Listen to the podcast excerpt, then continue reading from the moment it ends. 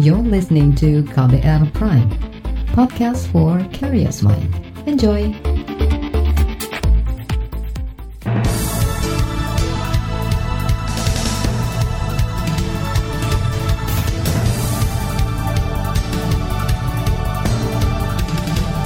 Selamat pagi saudara, kita berjumpa lagi di Buletin Pagi. Kami sudah menyiapkan sejumlah informasi terkini di antaranya, diskon khusus Pertalite dinilai jadi bagian penghapusan premium. Rancangan Undang-Undang Larangan Minuman Beralkohol diusulkan masuk prolegnas prioritas. Gunung Kidul dan Bandar Lampung mulai lipat surat suara pilkada. Dan inilah Buletin Pagi selengkapnya. Terbaru di Buletin Pagi. Pertamina membantah diskon khusus untuk BBM Pertalite di sejumlah wilayah sebagai upaya memuluskan rencana penghapusan premium. Sejak awal November, Pertamina menjual Pertalite seharga premium yakni Rp6.450 per liter atau didiskon sebesar Rp1.200 dari harga normal. Juru bicara Pertamina, Happy Wulansari mengatakan, diskon khusus itu merupakan bagian dari program Langit Biru Pertamina – Tujuannya untuk mengajak masyarakat beralih menggunakan BBM yang lebih ramah lingkungan. Sementara soal rencana penghapusan premium, Happy menyebut hal itu merupakan kewenangan pemerintah. Kebijakan penyaluran BBM RON 88 atau premium ini penuhnya merupakan kewenangan dari pemerintah dan dari sisi Pertamina selama masih ada penugasan tentu uh, Pertamina akan menyalurkan eh, BBM RON 88 atau premium ini. Nah, di sisi lain Pertamina juga terus mengedukasi konsumen untuk menggunakan BBM dengan RON yang lebih tinggi, BBM yang lebih ramah lingkungan dan lebih berkualitas Juru bicara Pertamina Happy Wulansari menuturkan, diskon khusus Pertalite seharga premium sejalan dengan komitmen pemerintah menurunkan emisi gas rumah kaca hingga 29 persen pada 2030.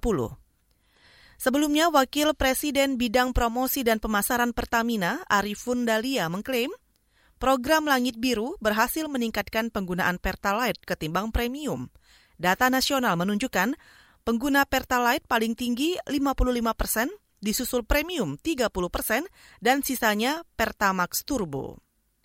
Saudara wacana soal penghapusan premium ini diungkapkan oleh Karliansah, Dirjen Pengendalian Pencemaran dan Kerusakan Lingkungan, Kementerian Lingkungan Hidup dan Kehutanan. Dalam sebuah diskusi daring 13 November lalu, Kardiansah mengklaim telah bertemu dengan Direktur Operasi Pertamina dan mendapat informasi bahwa premium akan dihapus bertahap mulai Januari 2021. Kebijakan ini akan dimulai di Jawa, Madura, dan Bali, kemudian berlanjut ke kota-kota lain. Rencana penghapusan BBM bersubsidi jenis premium mendapat dukungan dari parlemen. Wakil Ketua Komisi Energi DPR Edi Suparno mengatakan, kebijakan ini penting dalam rangka meningkatkan kualitas BBM yang lebih ramah lingkungan. Namun prosesnya harus dilakukan bertahap supaya tidak menimbulkan gejolak di masyarakat kita minta perhatian dari Pertamina agar uh, melaksanakan proses ini secara hati-hati dan bertahap. Jangan sampai hilang sekaligus, hilang mendadak ya. Karena itu kan berpotensi uh, menimbulkan keresahan, menimbulkan masalah sosial. Kita minta untuk daerah-daerah yang 3T, tertinggal, terluar, terdalam itu jangan langsung sekonyong-konyong dihapus. Karena memang daerah-daerah tersebut memang uh, masih membutuhkan subsidi, bahkan di sana minyak tanah pun masih dipakai. Wakil Ketua Komisi Energi DPR Edi Suparno juga menilai sejumlah daerah sudah ada yang berhasil mengurangi konsumsi premium. Hal itu menandakan masyarakat secara perlahan bisa beralih dari premium yang bernilai oktan 88 ke Pertalite dengan nilai oktan 90. Saudara, Pertamina dinilai menggiring masyarakat agar lebih masif menggunakan BBM Pertalite ketimbang premium. Direktur Eksekutif Energi Watch Mamit Setiawan menilai, target tersebut dibalik diskon khusus Pertalite sebagai premium. Namun, Mamit mengingatkan agar harga Pertalite tidak memberatkan masyarakat jika penghapusan premium bakal direalisasikan. Ya, saya mengharapkan sebenarnya promo ini bisa berjalan cukup lama ya, dalam artian apalagi di tengah pandemi seperti ini uh, inilah sebagai salah satu upaya Pertamina juga dalam membantu masyarakat yang itu yang saya harapkan ke depan ini terus bisa berjalan. Dan jika memang premium akan dihapuskan saya kira pemerintah harus memikirkan bagaimana caranya agar harga bahan bakar dengan lebih tinggi ini bisa tidak terlalu memberatkan. Apakah dengan nanti ke depan dengan memberikan subsidi ya kan? Direktur Eksekutif Energy Watch Mamit Setiawan juga menambahkan kebijakan penghapusan premium harus melalui penugasan Presiden atau Kementerian Energi dan Sumber Daya Mineral ESDM. Motif dibalik diskon khusus Pertalite sebagai seharga premium ikut dipertanyakan oleh konsumen. Andika Ari misalnya mengaku rugi secara finansial kalau premium sampai hilang di pasaran. Pegawai swasta ini juga harus mempertanyakan ke mana larinya aliran dana subsidi pemerintah untuk premium jika nanti benar dihapus. Harganya sebenarnya agak lumayan antara uh, premium sama pertalite gitu. Dan dari sisi efisien juga sebenarnya kan uh, emang nggak terlalu banyak beda gitu antara premium sama pertalite. Jadinya ya agak rugi sih kalau saya harus dihapusin premiumnya saya baru tahu sih promonya kayaknya itu bisa jadi alternatif sih kalau emang mau pindah ke Pertalite. Kalau misalnya harganya sama sih nggak masalah. Tapi nggak tahu kan sampai kapan promonya. Nah pertanyaannya itu subsidi lari ke Pertalite atau hilang semuanya gitu loh. Andika Ari sebagai konsumen juga menyebut nilai oktan BBM premium tidak beda jauh dengan Pertalite. Hanya saja harga premium jauh lebih murah. Ari meminta pemerintah menimbang banyak faktor sebelum menghapus premium, misalnya keterjangkauan harga BBM, kemampuan daya beli, dan kejelasan pengalihan dana subsidi BBM. Saudara Pertamina berencana bakal menghapus BBM premium di Jawa, Madura, dan juga Bali per 1 Januari 2021. Rencana itu akan terrealisasi bila mendapat restu Presiden Joko Widodo. Wakil Presiden Bidang Promosi dan Komunikasi Pemasaran Pertamina Arifun Dalia menegaskan siap berhenti total menyalurkan premium kalau direstui Presiden Joko Widodo.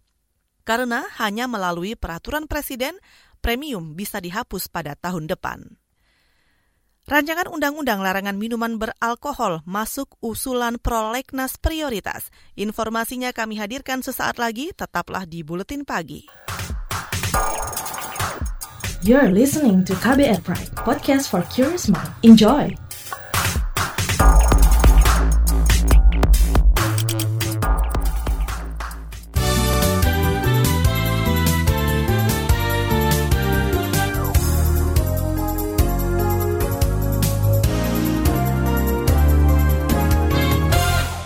Saudara Anda masih mendengarkan buletin pagi KBR. Badan Legislasi DPR bersama pemerintah dan DPD kembali mengevaluasi daftar rancangan undang-undang dalam program legislasi nasional atau prolegnas prioritas. Wakil Ketua Balik DPR Willy Aditya mengatakan, dari hasil evaluasi itu, ada 38 rancangan undang-undang yang diusulkan masuk prolegnas prioritas tahun depan. Dengan demikian untuk Pernas RU Prioritas tahun 2021 terdapat 38 RUU dengan catatan 2 RUU diusulkan oleh DPR dan pemerintah. Sehingga tinggal 36 RUU yang dipertimbangkan untuk masuk dalam Prolegnas RUU Prioritas tahun 2021. Wakil Ketua Badan Legislatif DPR Willy Aditya juga menambahkan, Perubahan prolegnas prioritas itu mengeluarkan sejumlah rancangan undang-undang seperti RKUHP, Rancangan Undang-Undang Pemasyarakatan, Rancangan Undang-Undang tentang Kesejahteraan Lanjut Usia, dan Rancangan Undang-Undang Badan Pemeriksa Keuangan. Dari 38 rancangan undang-undang yang diusulkan masuk prolegnas prioritas 2021 itu, antara lain Rancangan Undang-Undang Perlindungan Pekerja Rumah Tangga, RUU Larangan Minuman Beralkohol, RUU Perlindungan Tokoh Agama dan Simbol Agama, serta RUU atau Rancangan Undang-Undang Penghapusan Kekerasan Seksual. Saudara Mahkamah Konstitusi menggelar sidang pemeriksaan pendahuluan uji materi atas Undang-Undang Cipta Kerja. Permohonan uji materi ini diajukan kalangan buruh, di antaranya Konfederasi Serikat Pekerja Indonesia atau KSPI dan Konfederasi Serikat Pekerja Seluruh Indonesia. Kuasa hukum pemohon, Andi Muhammad Asrun, mengatakan uji materi diajukan terhadap sejumlah pasal dalam Omnibus Law itu. Bahwa para pemohon telah mengalami kerugian konstitusional dalam permohonan akbo yang telah dinyatakan disebutkan di dalam permohonan akbo bahwa Undang-Undang Cipta Kerja telah menimbulkan ketidakpastian hukum serta menghilangkan dan atau mengurangi dan atau menghalang-halangi hak para pemohon. Kemudian yang mulia dalil permohonan bahwa para pemohon mengajukan permohonan uji material terhadap pasal 81, 82, dan 83 Undang-Undang Cipta Kerja. Kuasa hukum pemohon Andi Muhammad Asrun juga menambahkan buruh meminta MK menghapus tiga pasal tersebut, yakni pasal tentang pelatihan kerja, tenaga kerja asing, dan sistem jaminan sosial. Sementara itu, Hakim MK Arif Hidayat meminta agar permohonan uji materi diperbaiki, di antaranya soal kejelasan kedudukan hukum dan dalil pasal-pasal yang dinilai bertentangan dengan konstitusi. MK memberi waktu perbaikan selama 14 hari atau hingga 7 Desember mendatang. Beralih ke informasi COVID, sebanyak 425 ribu lebih orang dinyatakan sembuh dari COVID-19. Angka itu sama dengan 84 persen dari seluruh pasien positif yang mencapai lebih dari 500 ribu orang. Berdasarkan data Satgas COVID yang dirilis kemarin, jumlah pasien sembuh bertambah 2.900 lebih. DKI Jakarta, Jawa Barat, Jawa Tengah, Jawa Timur, dan Kalimantan Timur menjadi provinsi dengan jumlah pasien sembuh terbanyak. Sedangkan kasus baru positif COVID bertambah lebih dari 4.100 orang. Terbanyak ada di DKI Jakarta dengan 1.000 kasus lebih. Disusul Jawa Tengah, Jawa Timur, Jawa Barat, dan Banten. Jumlah pasien meninggal bertambah 109 orang, Totalnya menjadi lebih dari 16.000 orang. Kita ke soal lain.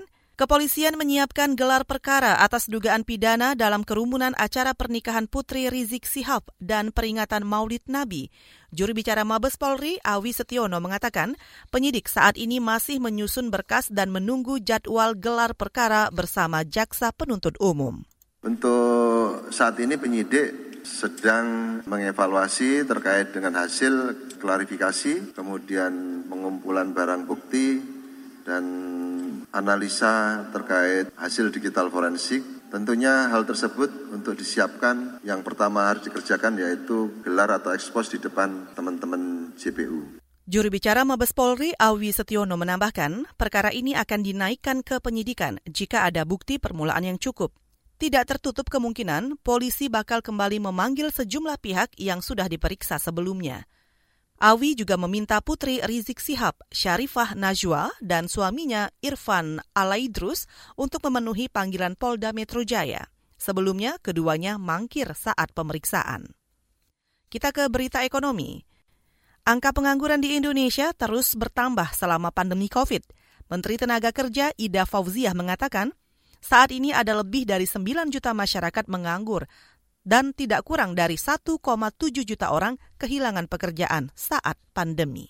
Data BPS terbaru menunjukkan bahwa Agustus 2020 angkatan kerja kita mencapai 138 juta orang, terdiri dari 128 juta penduduk yang bekerja dan 9,77 juta penganggur. Adapun tingkat pengangguran terbuka mencapai 7,07 persen pandemi berkontribusi signifikan dalam menambah jumlah penganggur dan TPT. Menteri Tenaga Kerja Ida Fauziah juga mengklaim pemerintah telah berupaya mengatasi masalah pengangguran akibat pandemi, salah satunya lewat program Kartu Prakerja.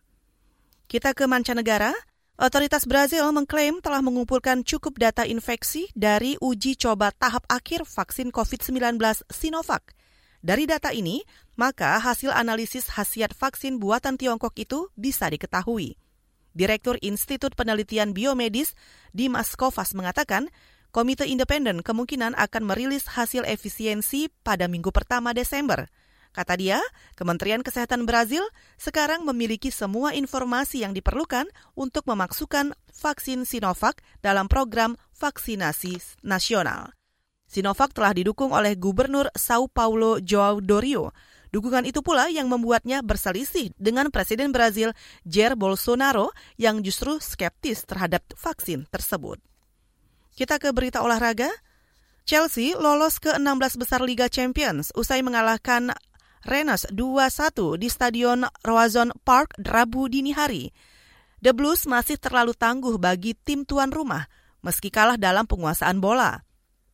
Gol pertama Chelsea dicetak Callum Hudson Odoi di menit ke-22. Rennes menyamakan kedudukan di menit 85 lewat sundulan Serhu Guirassi. Sundulan Olivier Giroud di masa injury time membawa Chelsea membukukan poin penuh dan melaju ke babak 16 besar. Saudara laporan khas KBR bertajuk Polemik TNI urusi baliho Rizik Sihab. Kami hadirkan sesaat lagi, tetaplah di Buletin Pagi. You're listening to KBR Pride, podcast for curious mind. Enjoy!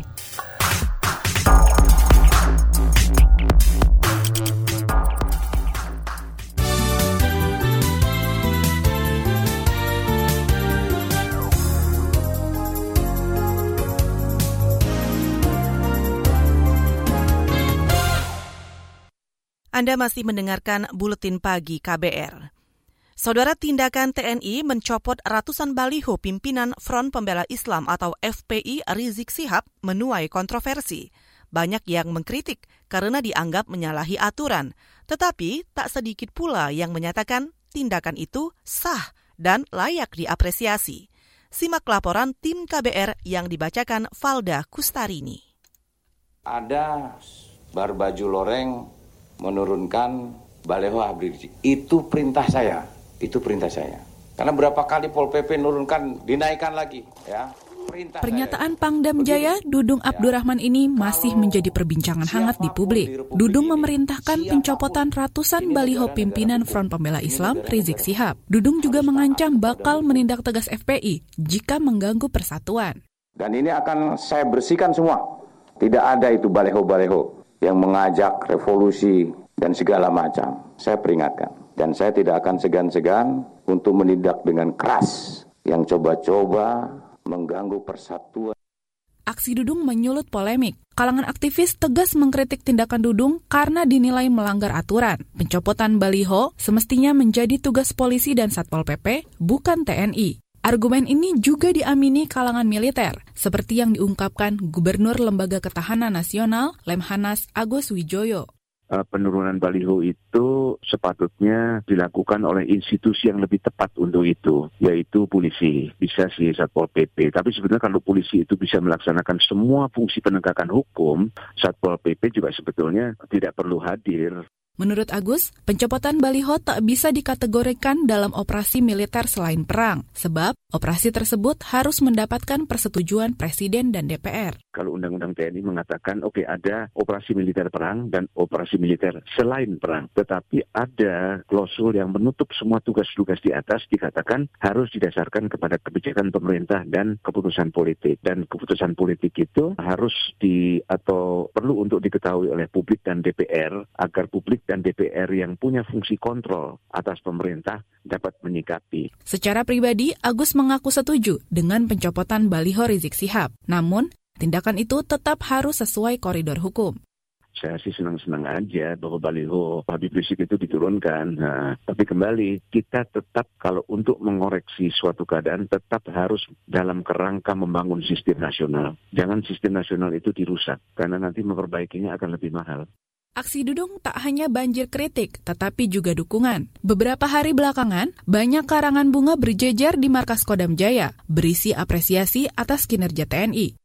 Respon serupa muncul pula dari sejumlah pakar. Pengamat intelijen, Stanislaus Rianta misalnya, menyebut tak ada aturan yang dilanggar oleh Dudung. Ia yakin pencopotan baliho bisa dimasukkan dalam kategori operasi militer selain perang. Kita lihat ketika ada kebakaran hutan, TNI langsung masuk, itu kan di bagian UMSP. Nggak ada orang ribut kan. Ketika ada bencana alam, TNI masuk bantu bencana alam. Juga nggak ada orang ribut. Ketika masalah COVID-19 ini ada penanganan tentang protokol kesehatan, TNI masuk untuk mendidikan masyarakat. Juga tidak ada orang ribut. Ini ketika pemerintah daerah kesulitan untuk menertibkan kelompok-kelompok yang memasang baliho seenaknya, termasuk mengajak untuk revolusi. TNI masuk ya sah-sah saja gitu. Menurut Stanis, TNI bersikap tegas karena kelompok Rizik sudah menggulirkan narasi provokatif dan menghina institusi negara. Itu sebab instruksi Dudung dinilai sudah tepat sebagai bentuk tanggung jawab menjaga keamanan di wilayah ibu kota memprovokasi untuk orang memenggal kepala yang meniru-niru di Prancis, lalu menyampaikan juga bagi saya sudah mulai melecehkan institusi Polri, institusi TNI disebut tidak punya akhlak. Nah kalau ada lembaga negara yang sudah dihina-hina seperti ini, itu tidak bisa didiamkan. Kita saya setuju bahwa beliau harus ditertibkan, membantu pemerintah daerah, kemudian kelompok-kelompok yang akan me, yang sudah mengarah kepada gangguan kesatuan-kesatuan harus ditekan juga supaya tidak seperti itu.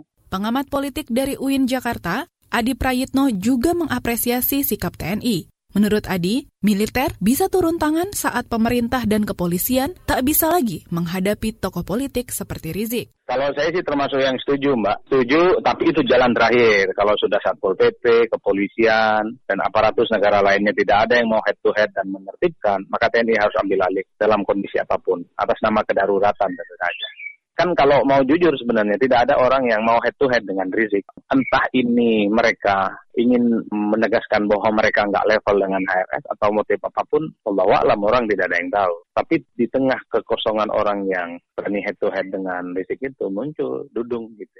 Adi menuturkan, Rizik dan masanya sudah terlalu lama leluasa melanggar aturan tanpa pernah ditindak. Adi menilai, aksi Dudung justru meraup banyak simpati masyarakat yang sudah gerah dengan sepak terjang Rizik. Malah banyak yang simpati kan, karena dalam banyak hal kerumunan yang terjadi saat penjemputan di bandara dan petamburan memang cukup melukai perasaan publik yang hampir berbulan-bulan nggak keluar rumah, takut corona, hidup dengan standar protokol kesehatan gitu ya. Tapi kenapa tiba-tiba soal HRS ini tidak ada penindakan? Demikian laporan tim KBR, saya Valda Kustarini. Selanjutnya kami hadirkan informasi dari daerah. Tetaplah di Buletin Pagi. You're listening to KBR Pride, podcast for curious mind. Enjoy!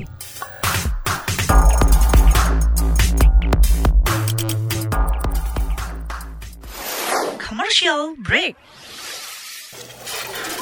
Anggota komunitas Be Home, Laras, memberi semangat kepada teman-teman Broken Home untuk berprestasi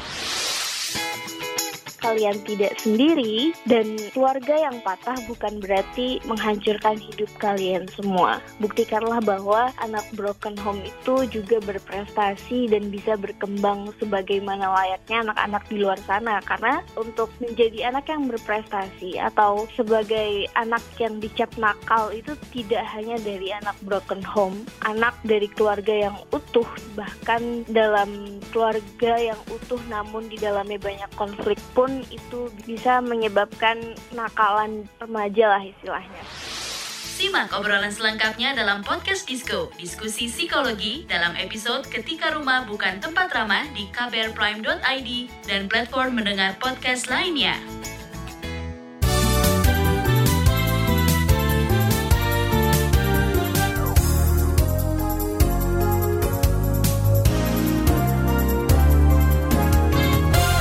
Inilah bagian akhir buletin pagi KBR. Kita awali dengan informasi pilkada.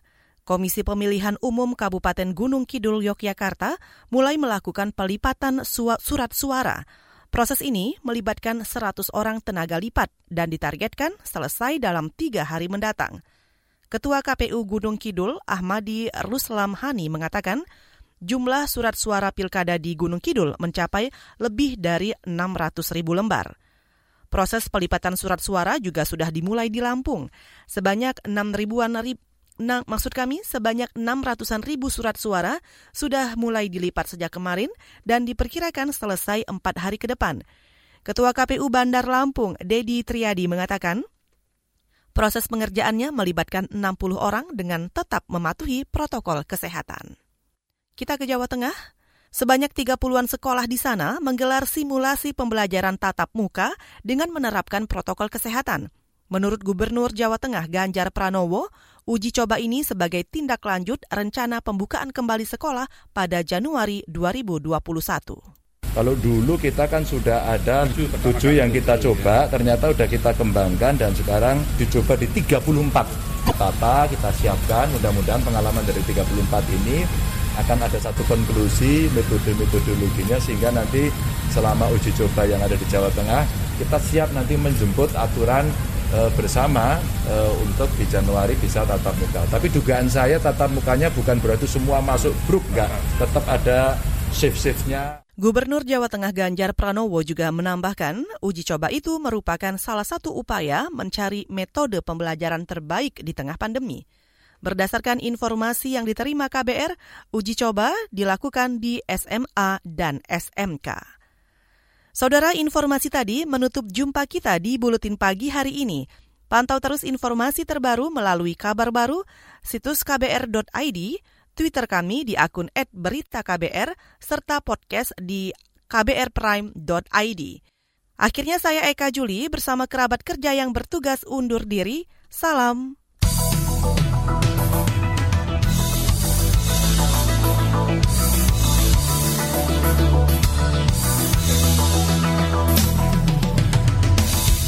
KBR Prime, cara asik mendengar berita. KBR Prime, podcast for curious mind.